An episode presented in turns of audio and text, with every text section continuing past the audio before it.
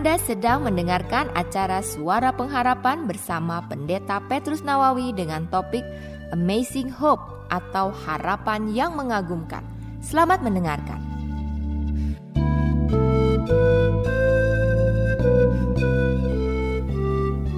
Saudara kita hidup di antara mitos dan kebenaran. Mitos merupakan satu kisah, satu cerita yang entah datang dari mana, yang sering kali tidak hanya sebagai satu kisah dan cerita yang kita ceritakan kepada diri kita sendiri, tapi sudah berubah menjadi satu keyakinan. Itu sebabnya mitos yang dipegang di dalam hidup seseorang akan menyebabkan orang itu hidup di dalam belenggu yang membelenggunya demikian rupa. Saudara, kalau kita berbicara tentang mitos, mitos tidak ada kebenaran di dalamnya. Tapi sayangnya sering kali orang meyakini begitu rupa dan bahkan rela mempertaruhkan imannya untuk sekedar mitos yang tidak jelas dari mana datangnya. Pada waktu kapal Titanic tenggelam, entah datang dari mana, entah siapa yang memulainya, entah bagaimana kisahnya. Di kemudian hari, orang meyakini, orang mempercayai bahwa kapal tersebut tenggelam dengan membawa harta yang begitu banyaknya. Ada emas, perhiasan-perhiasan, barang-barang berharga yang ikut tenggelam bersama-sama dengan kapal itu. Dan itu menyebabkan ada banyak orang, bukan hanya satu dua orang, yang rela mempertaruhkan hidupnya, yang rela mempertaruhkan hartanya untuk mencari apa yang diyakini, apa yang dipercayai, yang padahal hanya sekedar mitos. Yang di kemudian hari ketika diketahui ternyata tidak ada harta apa pun di situ. Yang dibawa oleh kapal itu hanyalah perlengkapan-perlengkapan kebutuhan-kebutuhan yang diperlukan oleh perahu dan oleh kapal dan penumpangnya dan peralatan-peralatan serep yang menggantikan peralatan-peralatan yang ada kalau rusak. Ada kain, ada bulu angsa dan sebagainya, hal-hal yang tidak berharga sama sekali sekarang. Tapi yang kemudian dicari orang dan orang rela mempertaruhkan dan menyia-nyiakan hidupnya dan mengorbankan banyak hal untuk sesuatu yang tidak jelas. Nah saudara di dalam hidup kita, di dalam hubungan kita dengan Tuhan, juga ada banyak mitos-mitos yang entah dari mana datangnya Entah kenapa itu sampai di dalam hidup kita dan kemudian menjadi satu keyakinan bagi kita.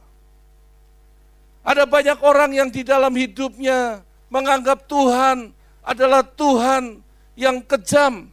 Tuhan adalah Tuhan yang tidak sabar dengan umatnya.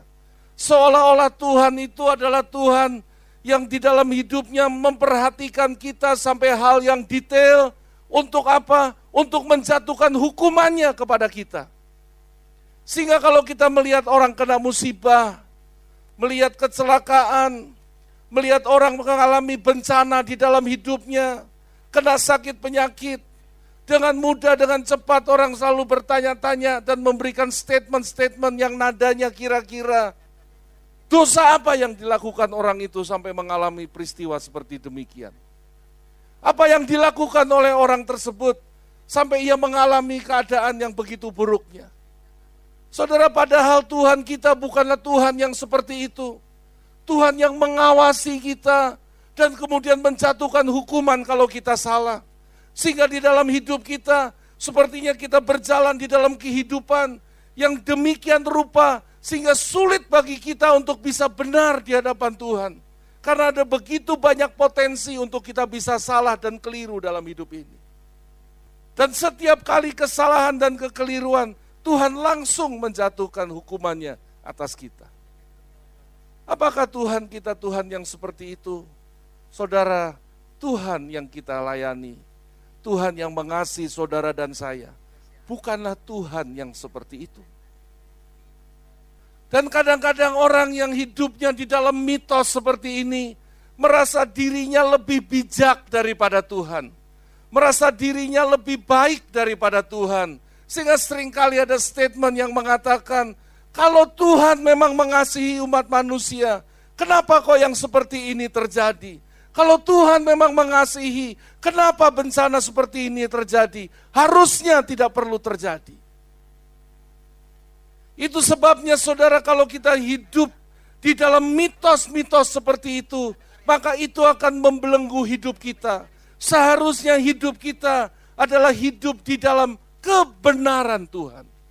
Sebab kebenaran itulah yang akan memerdekakan hidup kita.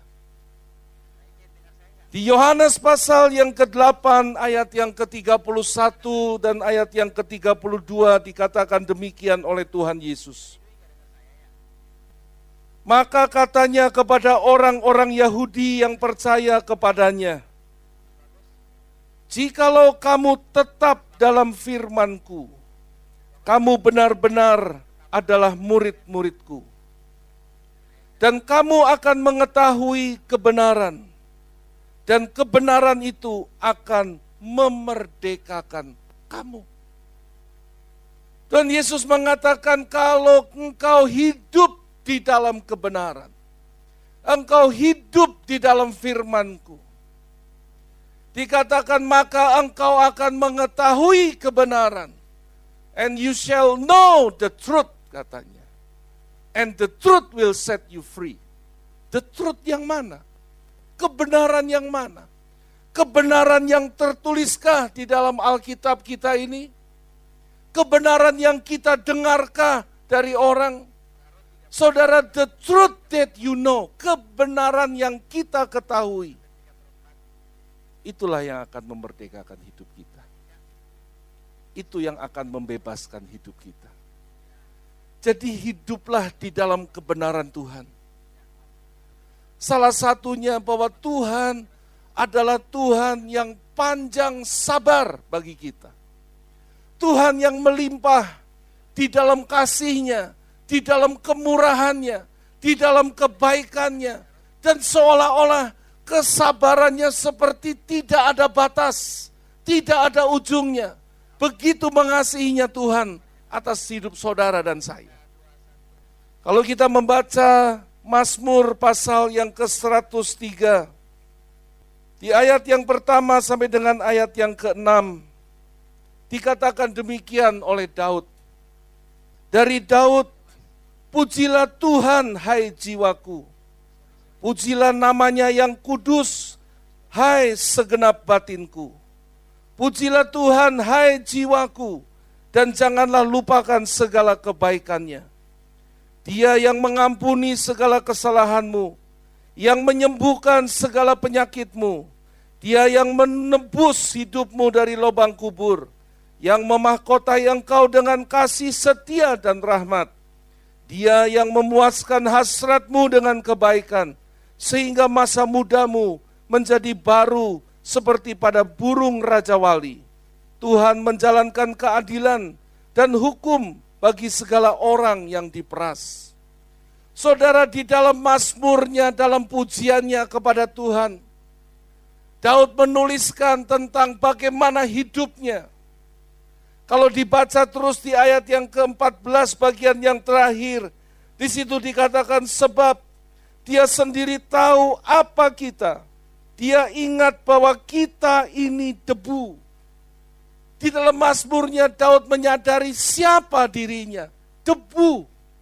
Artinya tidak ada artinya di hadapan Tuhan.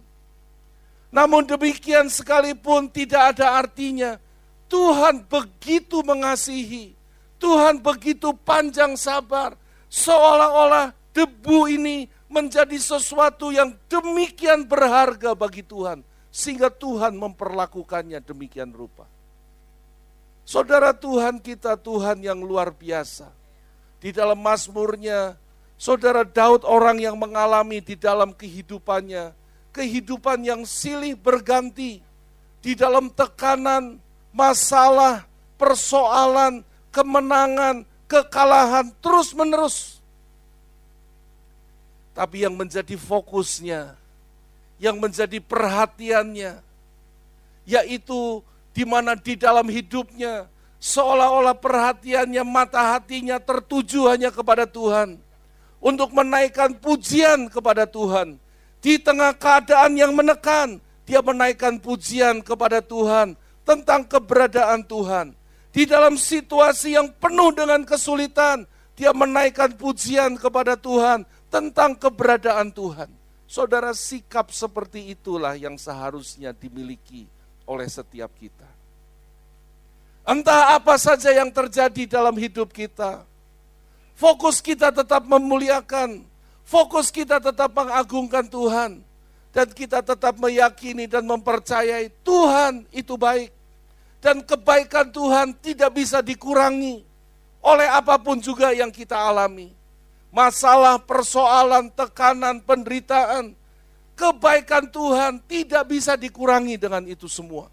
Kenapa? Karena dia Tuhan yang melimpah di dalam kasih, di dalam anugerahnya yang begitu besar bagi kita. Kalau kita membaca ayat firman Tuhan ini, saudara kita akan melihat sedikitnya ada tiga hal yang bisa kita lihat tentang Tuhan yang seperti apa yang kita layani kebenaran tentang Tuhan. Bukan seperti mitos yang mengatakan seolah-olah dia Tuhan yang tidak sabar dengan kita, yang selalu siap menjatuhkan hukuman, yang setiap kali kalau terjadi sesuatu, orang selalu menjudge dan mengatakan itu karena dosa dia. Karena dia berbuat salah. Kalau kita membaca ayat firman Tuhan ini, maka kita menemukan sedikitnya tiga hal yang kita renungkan. Yang pertama bahwa dia Tuhan adalah Tuhan yang sabar, Tuhan yang panjang sabarnya terhadap kita umatnya. Dikatakan di ayat yang ke-8 sampai dengan ayat yang ke-12 begini. Tuhan adalah penyayang dan pengasih, panjang sabar dan berlimpah kasih setia tidak selalu ia menuntut dan tidak untuk selama-lamanya ia mendendam. Tidak dilakukannya kepada kita setimpal dengan dosa kita. Dan tidak dibalasnya kepada kita setimpal dengan kesalahan kita. Tetapi setinggi langit di atas bumi, demikian besarnya kasih setianya atas orang-orang yang takut akan dia sejauh timur dari barat. Demikian dijauhkannya daripada kita pelanggaran kita. Saudara bayangkan betapa hebatnya, betapa ajaibnya kesabaran Tuhan. Dikatakan dia itulah penyayang, pengasih, panjang sabar, berlimpah dengan kasihnya. Dia tidak menjatuhkan kepada kita hukuman, yang setimpal dengan dosa kita, yang setimpal dengan pelanggaran dan kesalahan kita. Dia tidak menjatuhkannya seperti itu. Kalau ia melakukannya seperti itu, habislah kita saudara. Tuhan punya kemurahan, punya kesabaran yang demikian rupa, yang kadang-kadang kalau direnungkan, kita bertanya-tanya sendiri, kita katakan Tuhan, masa iya sih sabarnya kok seperti ini? Setiap kali ada pelanggaran, di situ ada pengampunan. Satu kali orang-orang Farisi, ahli-ahli Taurat, menangkap seorang pelacur, menyeret ke hadapan orang banyak, menghadapkannya ke Yesus, dan meminta Yesus menjatuhkan hukuman. Dia katakan, guru, ini kalau ada orang ketangkap berzina seperti ini, dan berulang-ulang kali orang ini tertangkap, apa yang harus dilakukan? Menurut hukum dia harus dilempari dengan batu. Apa yang harus dilakukan? Tuhan Yesus diam. Dan pada waktu itu orang semua menantikan menunggu kira-kira apa nih yang akan dikatakan oleh Yesus apa? Apakah Tuhan Yesus akan mengatakan, iya sesuai dengan hukum lempari dengan batu? Atau apa yang lain? Kalau Tuhan Yesus bilang lempari dengan batu, maka hukum itu akan menjadi kekuatan yang menguasai.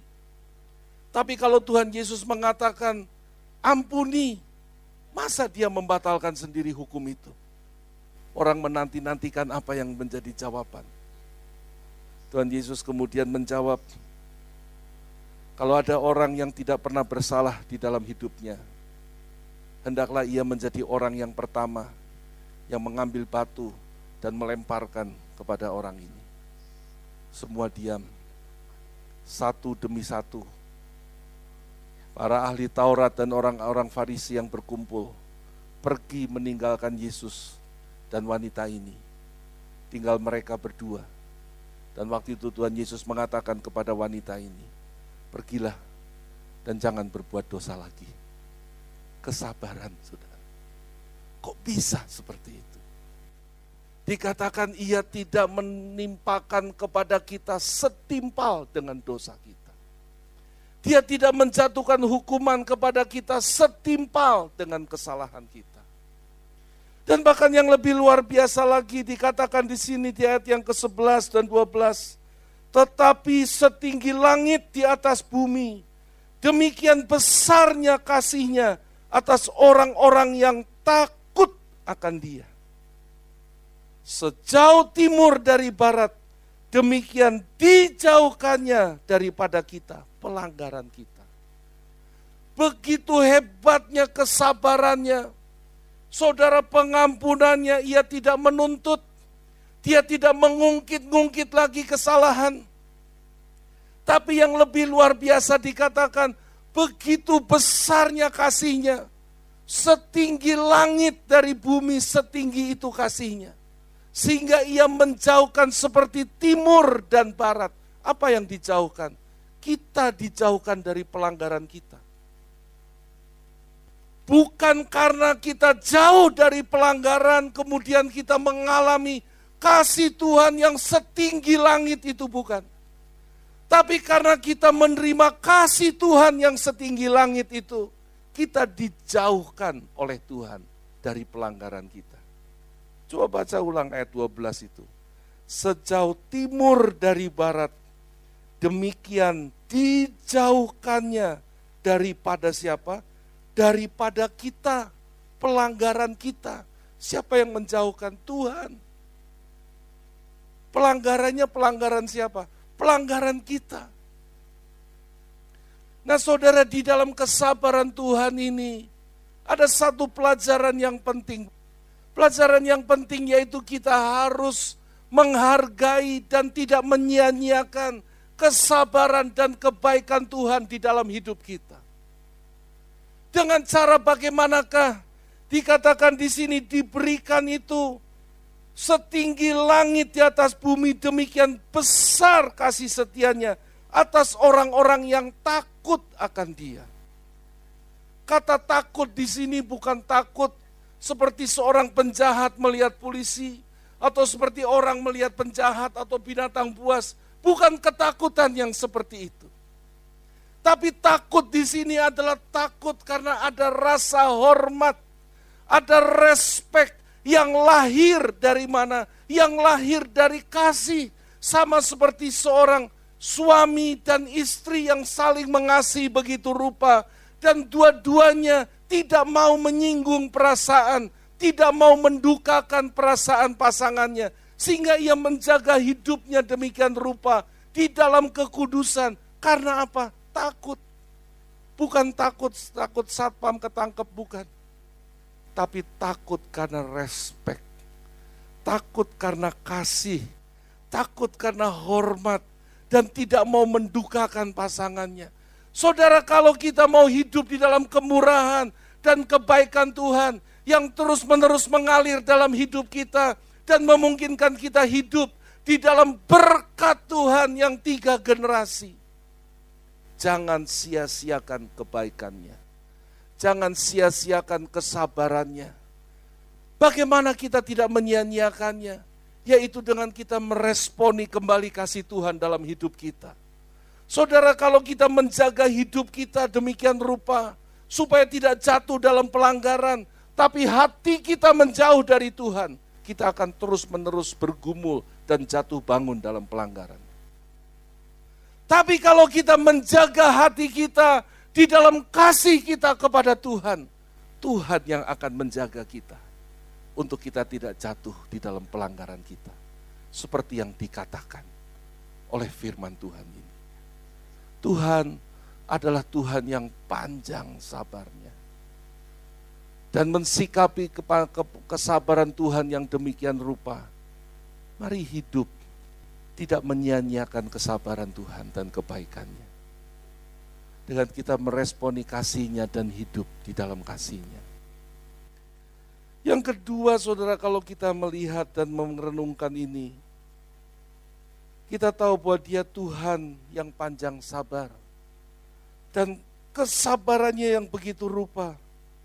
Kedua kita tahu bahwa dia adalah Tuhan yang menebus kita umatnya.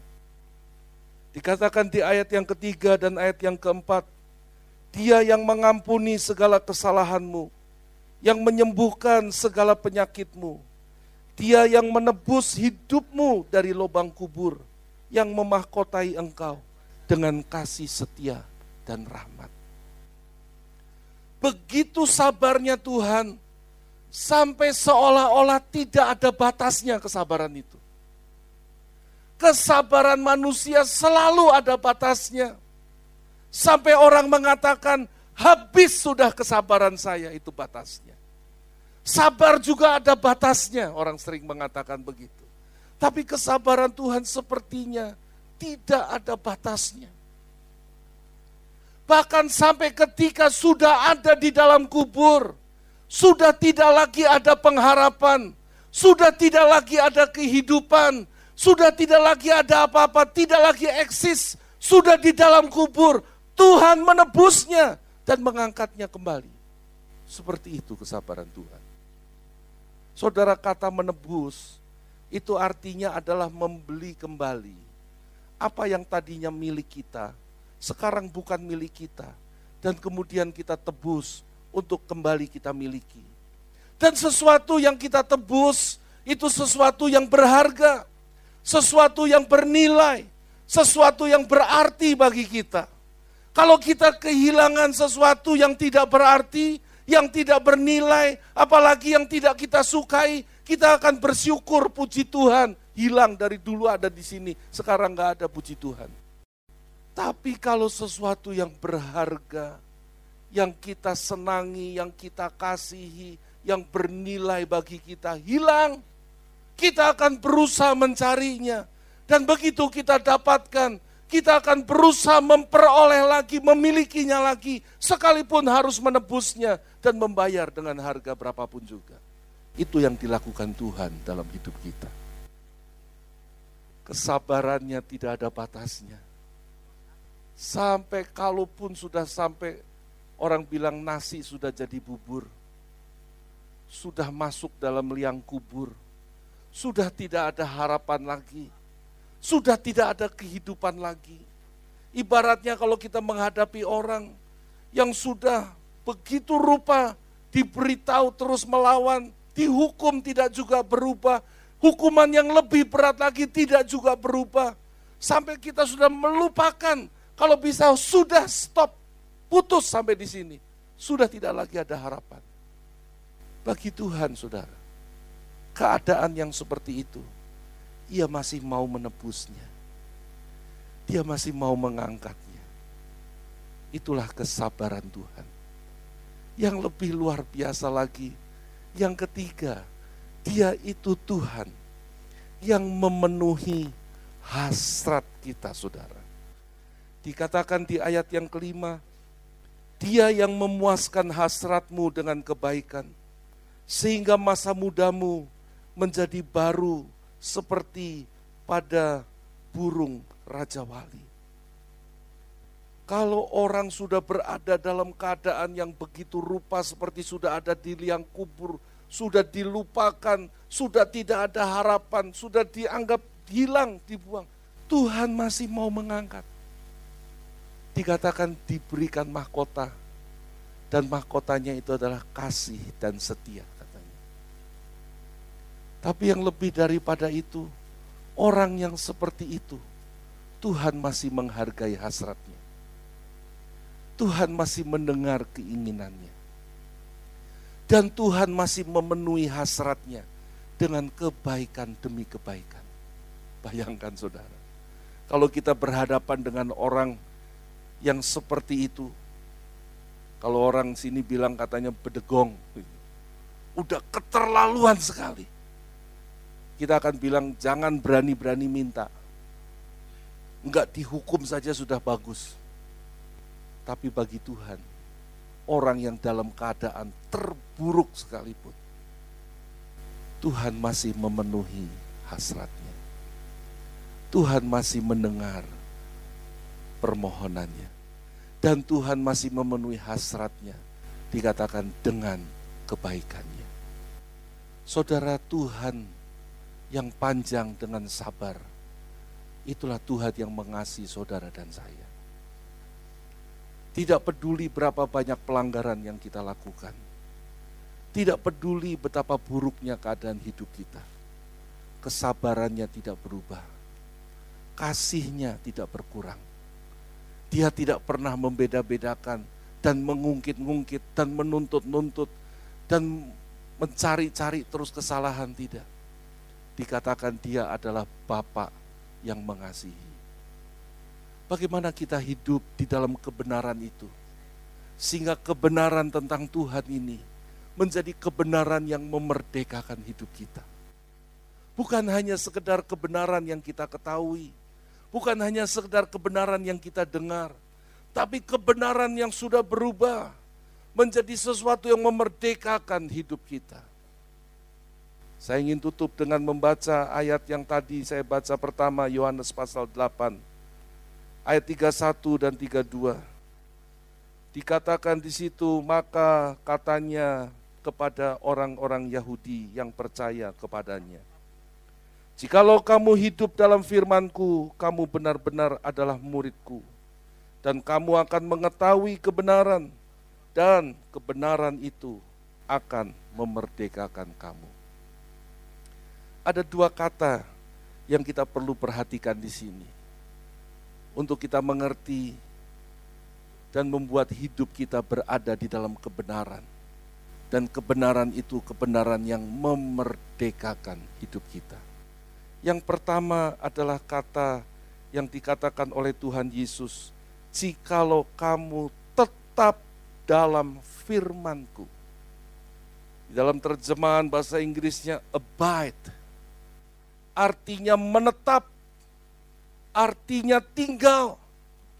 Pengertiannya di dalam bahasa asli yang dikatakan menetap, tinggal di suatu tempat untuk waktu yang lama secara terus-menerus, tidak putus-putus berada di tempat tersebut. Saudara dengan kata lain, bagaimana kita bersikap terhadap firman Tuhan? Bagaimana kita bersikap terhadap kebenaran itu? Yaitu sikap di dalam komitmen kita. Untuk kita hidup di atasnya. Untuk kita menjalani itu lebih dari segalanya. Mengatasi segala pergumulan yang ada mengatasi segala situasi yang ada, memilih untuk kita komitmen memegang firman Tuhan di dalam hidup kita. Tapi yang kedua, kata yang penting di sini, yaitu dikatakan dan kata Tuhan Yesus, kamu akan mengetahui kebenaran. And you shall know the truth. Dan dikatakan and the truth will set you free. Dan kebenaran itu akan memerdekakan kamu.